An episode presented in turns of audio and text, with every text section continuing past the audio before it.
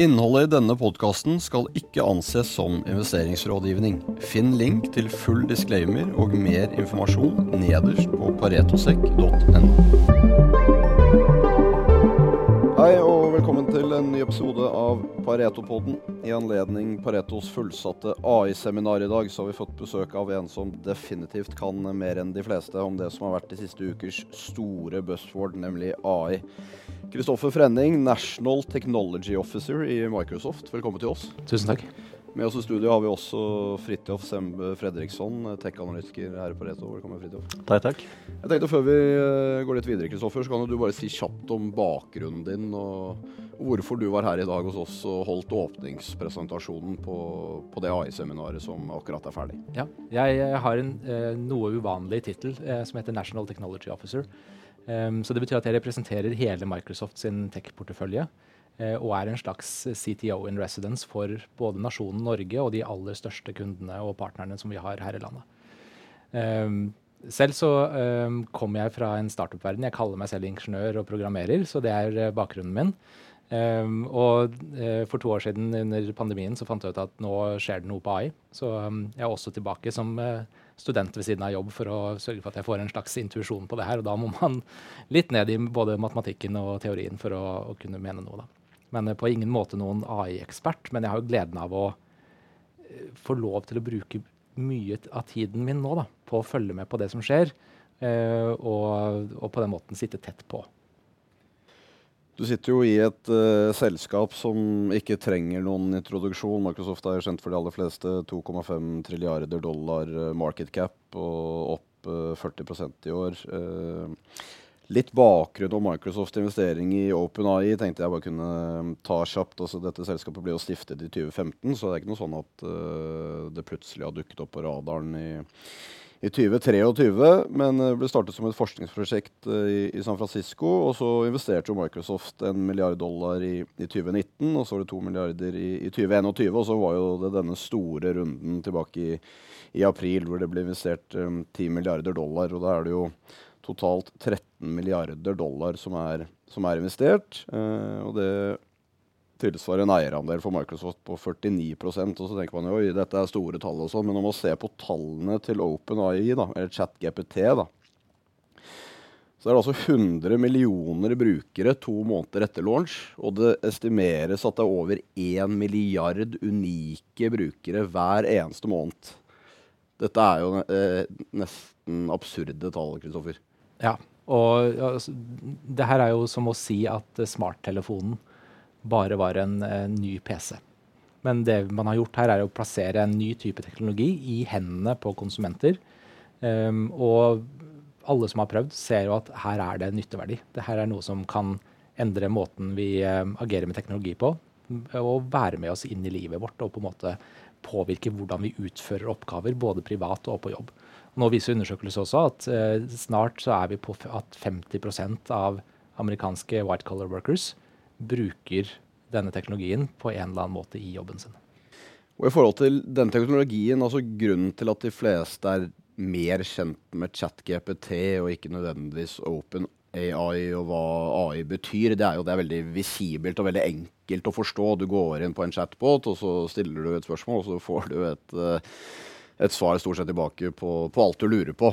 Men, men uh, i din presentasjon i dag, da, når du er rundt nå og snakker med AI, gitt, gitt den stillingen du har, hva, hva, er budskapet du prøver å få frem, og hvordan jobber dere internt? For dette er jo ting som kommer til å påvirke måten vi jobber på, måten bedrifter tenker på, det skal implementeres i alle mulige verdikjeder osv. Det er jo ja, vi, vi, har på en måte to uh, områder som vi dekker når vi prater med kunder og partnere om det her. Det, det ene er jo da uh, Microsoft sin rolle som en partner av OpenAI.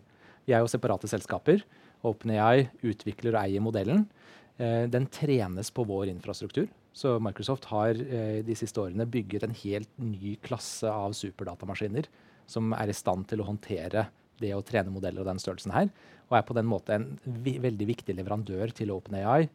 Samtidig som vi også tar da teknologien deres og gjør den tilgjengelig for andre. Så hvis man ønsker å bruke teknologien eh, i GPT-modellene i egne produkter eller egne selskaper, så gjør vi dem tilgjengelig gjennom Azure. I, I, isolerte miljøer, steder hvor man ikke kan dataene som man putter inn, ikke blir brukt til å trene modellen eller, eller legger igjen noe spor hos Microsoft. Eh, og også da innenfor grensene til EU, som er viktig for selskaper i EU. Så den, dette er da teknologien generelt sett, eh, og partnerskapet vårt. Og det andre vi snakker om, det er hvordan vi i Microsoft bruker denne nye typen teknologi til å forbedre produktene våre. Um, så her sier vi at vi utvikler kopiloter. Um, så teknologi som skal være med å støtte det arbeidet vi gjør som mennesker. Um, og, og, Vi har en, på skjermen her nå et, et, eksempel på en undersøkelse som viser hvordan folk har brukt teknologien allerede. Og vi ser at tiden vi bruker på grunnleggende research, tiden vi bruker på å samle informasjon, den kan reduseres dramatisk. Vi får mer tid til å gjøre det arbeidet som vi som mennesker virkelig er gode på, hvor vi virkelig tilfører verdi, nemlig innsiktsbiten. Altså den siste biten hvor vi forfiner, redigerer, sammenstiller, trekker slutninger.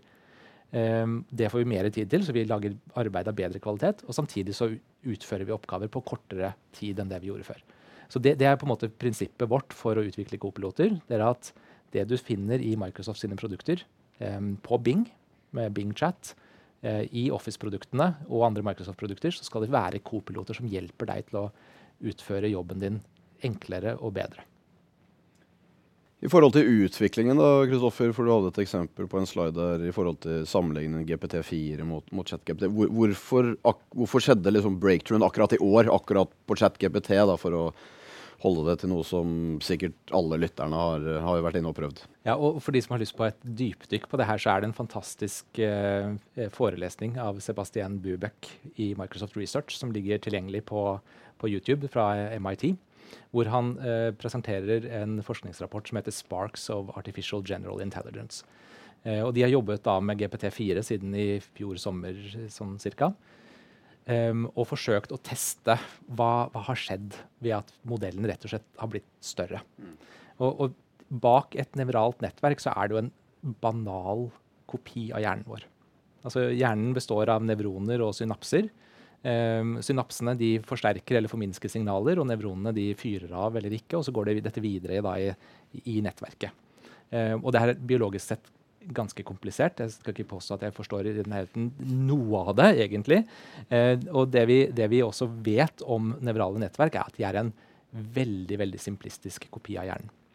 Så har vi da i eh, et eksempel her hvor de ber rett og slett GPT35, som er den modellen de fleste har jobbet med, om å resonnere.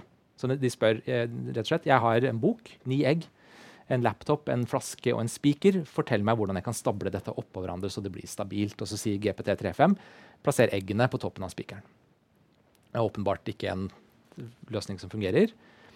Og det som har skjedd altså mellom GPT35 og 4.0 og her er det jo da med en liten disklemmer, fordi dette er OpenAI sitt produkt, så det er ikke alt vi i Microsoft vet om GPT4. Men i hovedsak så har modellen blitt større.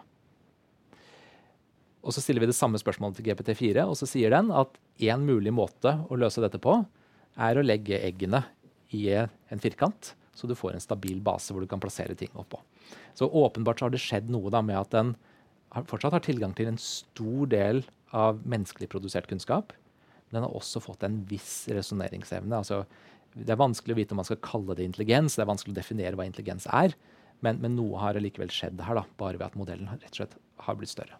Er dette bare en naturlig utvikling ved at du putter mer og mer data inn i, i der hvor du henter fra, og så lærer den av det Altså så hver gang noen bruker dette programmet, så blir den bitte lite grann smartere? Nei, det er det ikke. Um, så språkmodeller uh, lærer faktisk ikke. Um, så den, den, grunnleggende modellen den er trent én gang, og det sier nå også både Bing og uh, og ChatGPT veldig tydelig at jeg vet ikke omtrent hva som har skjedd i verden siden 2021. Um, ehm, så um, modellen i seg selv lærer ikke.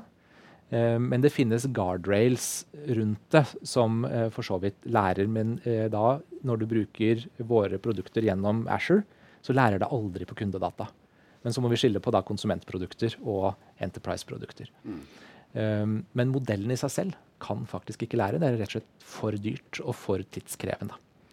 Um, så den resonneringsevnen som har kommet her, den skyldes mest sannsynlig at modellen rett og slett har blitt større, og at vi da har fått kapabiliteter som vi ikke hadde før.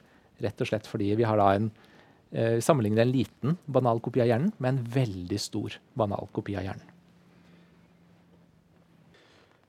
Ja, Kristoffer, I forhold til det at man henter historiske data på ChatGPT, og det er derfor man får opp denne dialogboksen med at uh, ting etter september 21 er det vel, uh, kan jeg ikke svare på. Det, det er jo en uh, ganske stor etisk side ved det vi er vitne til her nå. Det er jo en del ting som skal falle på plass, og ikke teknologien løper fortere enn en alt annet i samfunnet. Hvordan er det fra deres ståsted?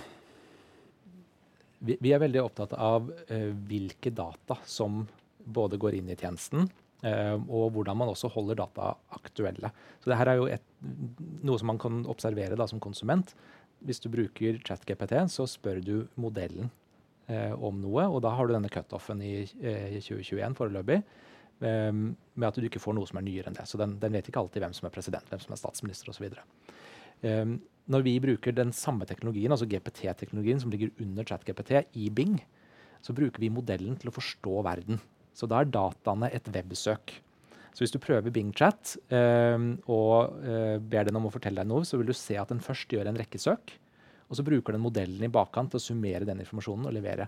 Og på den måten så kan den både ha oppdatert data eh, og mer faktuelt riktig data. For du får kildehenvisninger, og du kan gå tilbake til de kildene og sjekke at modellen at, at, Bing har levert deg riktig type svar. Um, og her er liksom nøkkelen i dette. Det er jo at vi har fått en ny generell type teknologi som kan brukes på en masse forskjellige områder. Og noe av den virkelige verdien kommer jo når man tar denne teknologien inn i andre sammenhenger. Inn i et selskap og begynner å se på hvilke data har man i dette selskapet. Hvordan kan vi gjøre den mer tilgjengelig? Hvordan kan vi resonnere over den? Hvordan kan vi forstå disse dataene? Fordi vi nå har en ny type teknologi som GPT representerer. Vi er jo, I forhold til kildebehandling og alt det, ikke sant? så må vi vite at det som, sånn som du sier, at én uh, ting er jo det, det, etiske aspektet med hva den skal mene ut fra det den plukker ut, men vi er jo blitt vant med fake news og alt mulig rart, så det er jo ganske viktig at det du putter inn, slik, slik, at ikke dette blir en informasjonsspreder av ting som, som ikke er, uh, som ikke er uh, reelt. Da. Men uh, i forhold til vi har, vant, vi har blitt vant med at teknologi går ekstremt fort, og at fremskrittene på teknologien går ekstremt fort. Du hadde jo en, et par slider med GitHub Copilot, f.eks. For Forklar lytterne våre litt hva dette er, og, og ja, og det er spennende. fordi dette er jo den delen av denne nye typen teknologi som har vært i bruk lengst. Um, så det er et begrenset domene. Uh, og dermed har det vært mulig å lage et produkt som kan brukes konkret av brukere. Og GitHub Copilot er rett og slett en uh, assistent for utviklere. Og vi, vi mangler utviklere. Uh, I Norge så sier IKT Norge at vi kommer til å mangle 40 000 mennesker i norsk IT-bransje innen 2030. Eh, og de fleste som ønsker å gjøre et teknologiprosjekt, merker det at det butter imot på å få nok kompetente utviklere til å være med å realisere prosjektene. Og akkurat dette har jo du vært litt inne på, Fridtjof. Det er sikkert noe du snakker med kunder om i forhold til IT-servicebransjen og alt som på en måte bygges rundt. da. Mm. Så det er ikke sånn at uh, menneskeheten er helt ferdig ennå, får vi håpe. Det er jo litt sånn som du sier der, da, at dette er et produkt som, som, kan bli tatt i bruk med en gang. Uh, og og Du ser på litt de studiene du har referert til, men um, som jeg også har sett på tidligere. så Hvis du ser på et studie som er gjort av GitHub uh, på GitHub Copilot, så tok de rundt 95 um, utviklere. Så delte de ca. i to. Um, ene halvparten fikk lov til å bruke GitHub uh, Copilot, og den fikk ikke lov til å bruke det. Og Da så man at de som tok i bruk dette verktøyet, uh, de klarte å løse en større andel klarte å løse oppgaven, så klarte de å gjøre det nesten dobbelt så raskt. Så, så, det vi har lagt litt vekt på da, når vi har sett på, på måte, utviklingen for AI og hvordan dette kommer til å påvirke forskjellige bransjer, eh, så tror vi i første gang at eh, spesielt arbeidsintensive bransjer som kan ta i bruk denne type verktøy for å bli mer effektive, kommer til å tjene mest på det korte bildet. Og da er jo IT-service et godt eksempel. Eh, både fordi det er hovedsakelig utviklere, um, og det har vært en det har vært en større etterspørsel enn uh, en tilbud der uh, over de siste 10-20 årene. Eh, og det er som du sier, forventet å være det de neste 10-20 årene også. ikke sant? Eh, og dette kan nok løse mye av den, den, problematikken. De kan bli mer uh, effektive, og de kan levere på flere prosjekter. Uh, så det, fra vår side tror vi det er en sektor som kommer til å uh, bli positivt, ha en stor positiv impact da, fra bruken av AR-verktøy. Det blir jo veldig mye snakk om, om denne chat-GPT, og det er det det står om i media. på en måte chat-GPT chat-GPT, Men det er jo ikke det som er teknologien. Nei, teknologien bak det er jo det som kalles GPT. altså En generativ pre-trained transformer uh, står det for. og Det er uh, det det representerer, er en ny type AI-modeller som er veldig store. Så Vi kaller dem large language models eller large multimodal models. Og GPT4 er da en multimodal modell, som betyr at den har en evne til å forstå ikke bare språk, men også eh, bilder, video og lyd. Um, og det representerer på en måte en, en teknologi nå hvor vi får en, det vi kan kalle foundational models, er et begrep som brukes. Um, som rett og slett gir oss en viss evne til å forstå verden. Og så kan vi plassere egne data og egne finbygde modeller på toppen for å forstå spesifikke domener. Og her er det et enormt forretningspotensial i å bygge løsninger som, som da Eh, i vertikaler kan bidra med å løse løsninger. Eh, og eh, for så vidt også bredere konsumenttjenester. Nå finnes det plug-in-modell både til Bing og ChatGPT som gjør at man kan hente inn data fra andre kilder. Og da begynner vi å nærme oss at disse kan gi enda større verdi til oss som, som konsumenter og brukere. Da. Så min, min, mitt drømmescenario er å kunne få planlagt en, en date night som passer kalenderen min Vise meg hva som finnes tilgjengelig av restaurantbord. Vise hva som eh, eh finnes av underholdning eh, basert på hvor jeg er, hvor jeg bor og mine preferanser. Eh, og med denne typen plug-in-infrastruktur eh, så kan jo egentlig alle være med på å bidra til det. Og så er spørsmålet hvordan kommer det til å drive da oppførselen til oss som konsumenter. Mm. Vil jeg gå ut og søke på weben og lete selv etter hoteller? Eller vil jeg velge et som tilfeldigvis kan bli foreslått av eh, av en kopilot.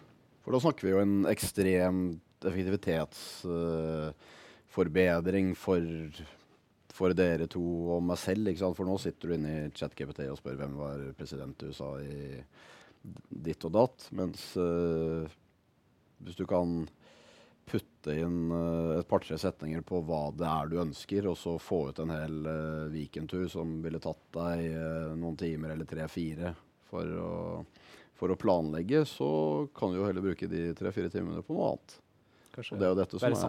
Være, kanskje være sammen med den du skal på tur med. Er det, tror du, er det slik etter hvert at uh, en sånn AS-student kommer til å kjenne deg bedre enn du kjenner deg selv? At den, den vet liksom hva du burde gjøre på, på ferien din? Kanskje det. Kan si ifra når jeg trenger å ta en pause.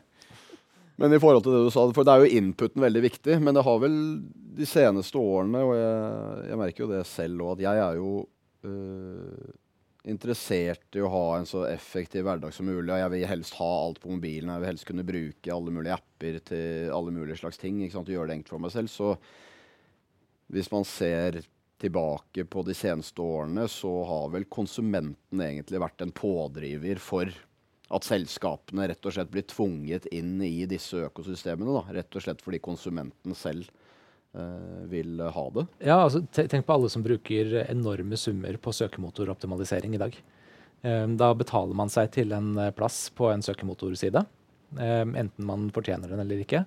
Uh, og så optimaliserer man innholdet sitt for at et menneske skal kunne lese det lett og bli tiltrukket av det hvis man skal selge en, et produkt eller tjeneste. Så det er ikke tilfeldig hva som popper opp eh, øverst på Google, altså? Er det det si? Eller på Bing? det er et stort fagfelt jeg ikke kan nærheten nok om, men ja, jeg har en følelse av det. Men hva skjer da når du spør, spør Bing Chat om å anbefale en advokat basert på problemstillingen din? Da, da stiller et helt annet krav til informasjon som disse selskapene har lagt ut. Eh, måten de beskriver tjenestene sine på, må ikke lenger være for å tiltrekke mennesker, men det må være for at en maskin skal kunne analysere det. Eh, så utseendet betyr ikke noe for den maskinen. Så på mange måter så vil man kanskje bare faktuelt beskrive tjenestene sine på en så kjedelig måte som mulig og så rikt som mulig, sånn at det kan prosesseres av en maskin. Fordi da sitter jeg kanskje da som mulig klient av et advokalsk selskap og se på en shortlist på tre til fem selskaper. Uh, foreslått av en generativ modell, og ikke påvirket i det hele tatt av søkemotoroptimalisering og vi vet ikke helt ennå hvordan det ser ut, men kanskje også uten annonser. Og I forhold til den uh, at Microsoft nå føles ut som det står litt i sentrum av, uh, av uh, den AI-bølgen, så er jo ikke det helt tilfeldig. For sjefen i selskapet sa jo allerede i 2016 at er det én ting som ikke skal gå forbi på MyWatch, så er, det, så er det det som skjer innenfor AI. Så dette har jo vært et fokus for Microsoft i, i mange, mange år. Ja, og, og, og, det er AI allerede i en, stort sett alle produktene vi har.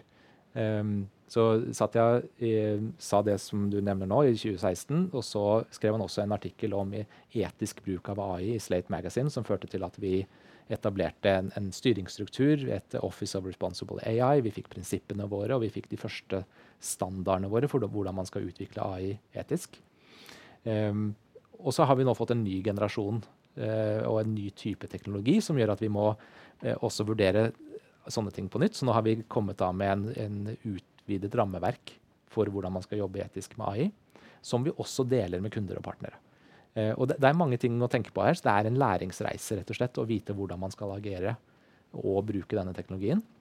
Um, og ikke minst enorme muligheter og et kjempespennende rom framover i forhold til det nå å ta det som vi ser på som en generell teknologi, og få det inn med enda mer konkrete use caser i produkter vi alle sammen bruker daglig. Så Neste gang man skal skrive et brev i Word, man skal lage et uh, regneark og analysere noen tall i Excel, så kan vi vente oss at det kommer en helt ny type hjelp som vi ikke har forventet før.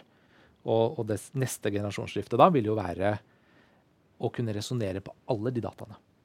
Så når vi, jeg sitter på mine rapporter, på mine regneark og på mine brev og min kommunikasjon med kunder, ikke minst min kalender, um, så skal co-piloten kunne trekke inn data fra alle de kildene og være med på å hjelpe meg med oppgavene mine. Og det, det, er, tenker jeg, det, er, det er kjernen i det her, at vi skal gjøre mennesker bedre på det de allerede kan. Um, kanskje kan dette være med på å redusere uh, stress og burnout på arbeidsplasser. At vi, at vi rett og slett får mer tid til å gjøre de tingene hvor vi virkelig føler at vi bidrar med verdi.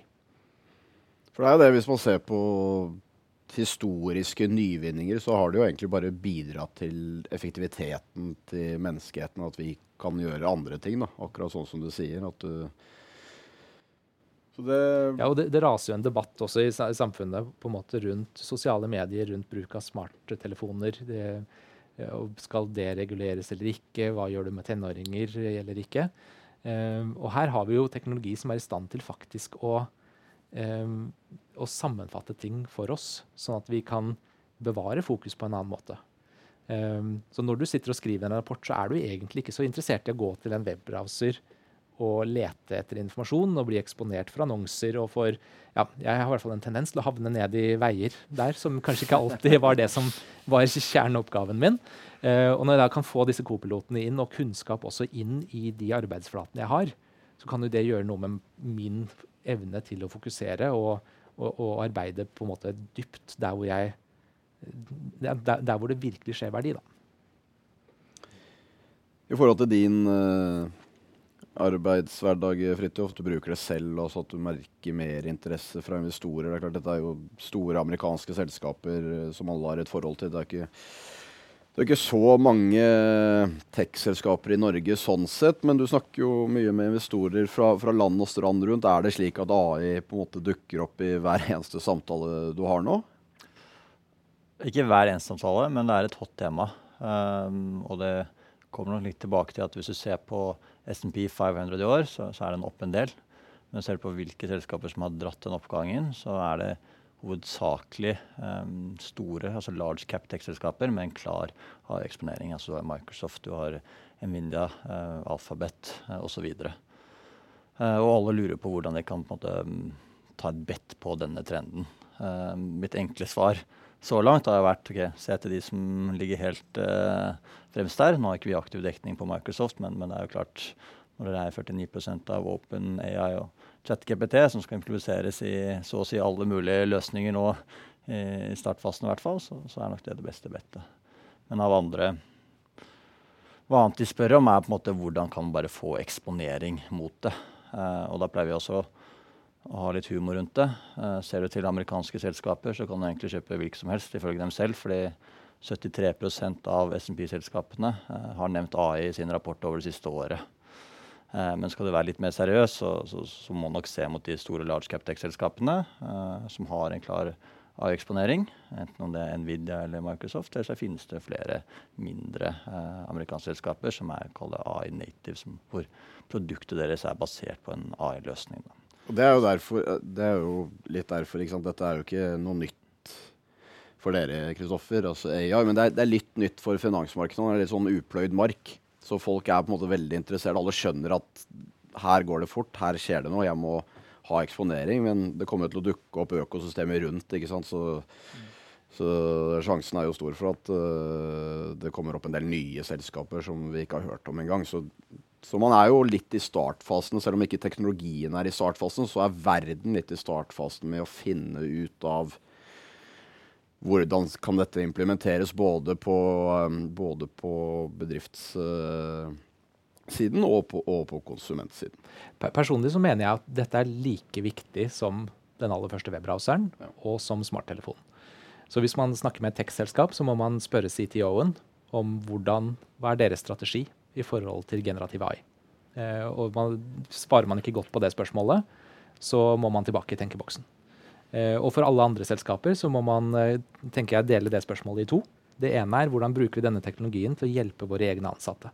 Hvordan kan vi bruke dette internt, um, sånn at vi kan rett og slett yte bedre som selskap, og kanskje også ta vare på menneskene vi har, enda bedre ved å fjerne de tingene som, som ikke genererer så mye verdi, og gjøre mer av det som virkelig genererer verdi. Og så, når du på en måte mestrer det og bruker det internt, så er neste spørsmål hvordan bruker du det ut mot kundene dine. Jeg tenker at vi uh, lar det være siste ordet. Vi kunne sikkert sittet og snakket her i, i flere timer, men uh, gitt hvor, uh, hvor, fort det faktisk går, så kanskje vi heller skal ta en prat om, om en liten stund igjen og se hvor vi er da. Kristoffer, tusen hjertelig takk for at du kom hit til Paretos AI-seminar, og for at du stoppet innom podkasten for å forklare litt mer overfor våre lyttere hva, hva det er vi egentlig er vitne til nå. Tusen takk for at jeg fikk komme. Tusen takk til deg, Fridtjof, for uh, at du også er med. Som uh, sagt, hvis du vil lære mer om AI, så, så er det bare å spørre AI selv. Men uh, du kan jo også gå inn på, på Microsoft sine sider, og der finner du jo utallige Det er jo masse om dette i presentasjonene deres og årsrapporter osv. Det er jo ja, unlimited informasjon. og hvis du går inn på online.paretosek.com, så finner du selvfølgelig analysedekning på, på alle tech-selskapene som, som, Pareto dekker. Så etter hvert der så blir det nok også litt mer, litt mer fokus på, på dette. Jeg tenker vi eh, sier takk for i dag, og så høres vi i neste episode. Vi minner om at denne podkasten ikke inneholder investerings- eller annen type rådgivning.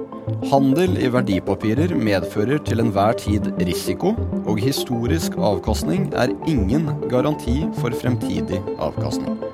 Pareto Securities er verken rettslig eller økonomisk ansvarlig for direkte eller indirekte tap, eller andre kostnader som måtte påløpe ved bruk av informasjon omtalt i denne podkasten. Finn link til full disclaimer og mer informasjon nederst på paretosek.no.